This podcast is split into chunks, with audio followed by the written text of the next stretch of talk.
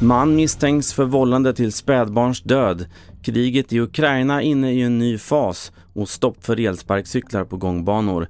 Jag först i TV4-Nyheterna om att en man häktades idag misstänkt för grov misshandel och vållande till annans död på ett spädbarn i Trosa. Det var i måndag som spädbarnet hittades med allvarliga skador och idag kom beskedet att spädbarnet avlidit. Vi hör åklagaren Ola Björstrand om rubriceringen. Eh, jag begärde honom häktad på mord alternativt synnerligen grov misshandel och grovt vållande till annans död. Tingsrätten valde att förklara honom häktad för synnerligen grov misshandel och grovt vållande till annans död. Vidare till kriget i Ukraina som nu har pågått i över fem månader och den ukrainska motoffensiven har blivit starkare, det säger överstelöjtnant Joakim Paasikivi.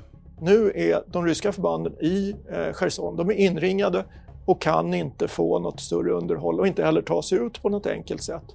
I den ukrainska planen så tror jag att det är få möjligheter till rysk överraskning. Alltså här har man ju förberett den här under lång tid, man vet var ryssarna finns. Och vi stannar kvar lite i ämnet för rederiet Tallink Silja gör om ytterligare två av sina färjor till tillfälligt boende för ukrainska krigsflyktingar. Fartygen Silja Europa och Galaxy flyttas till Nederländerna från och med augusti och september, det rapporterar Dagens Industri. Bakgrunden är fortsatt dålig efterfrågan och höga bränslepriser.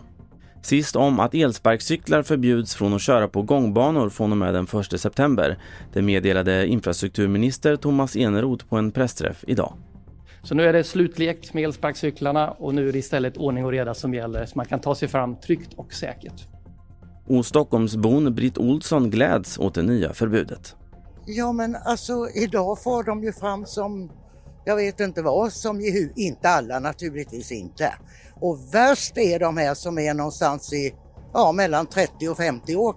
De är ju värst av alla.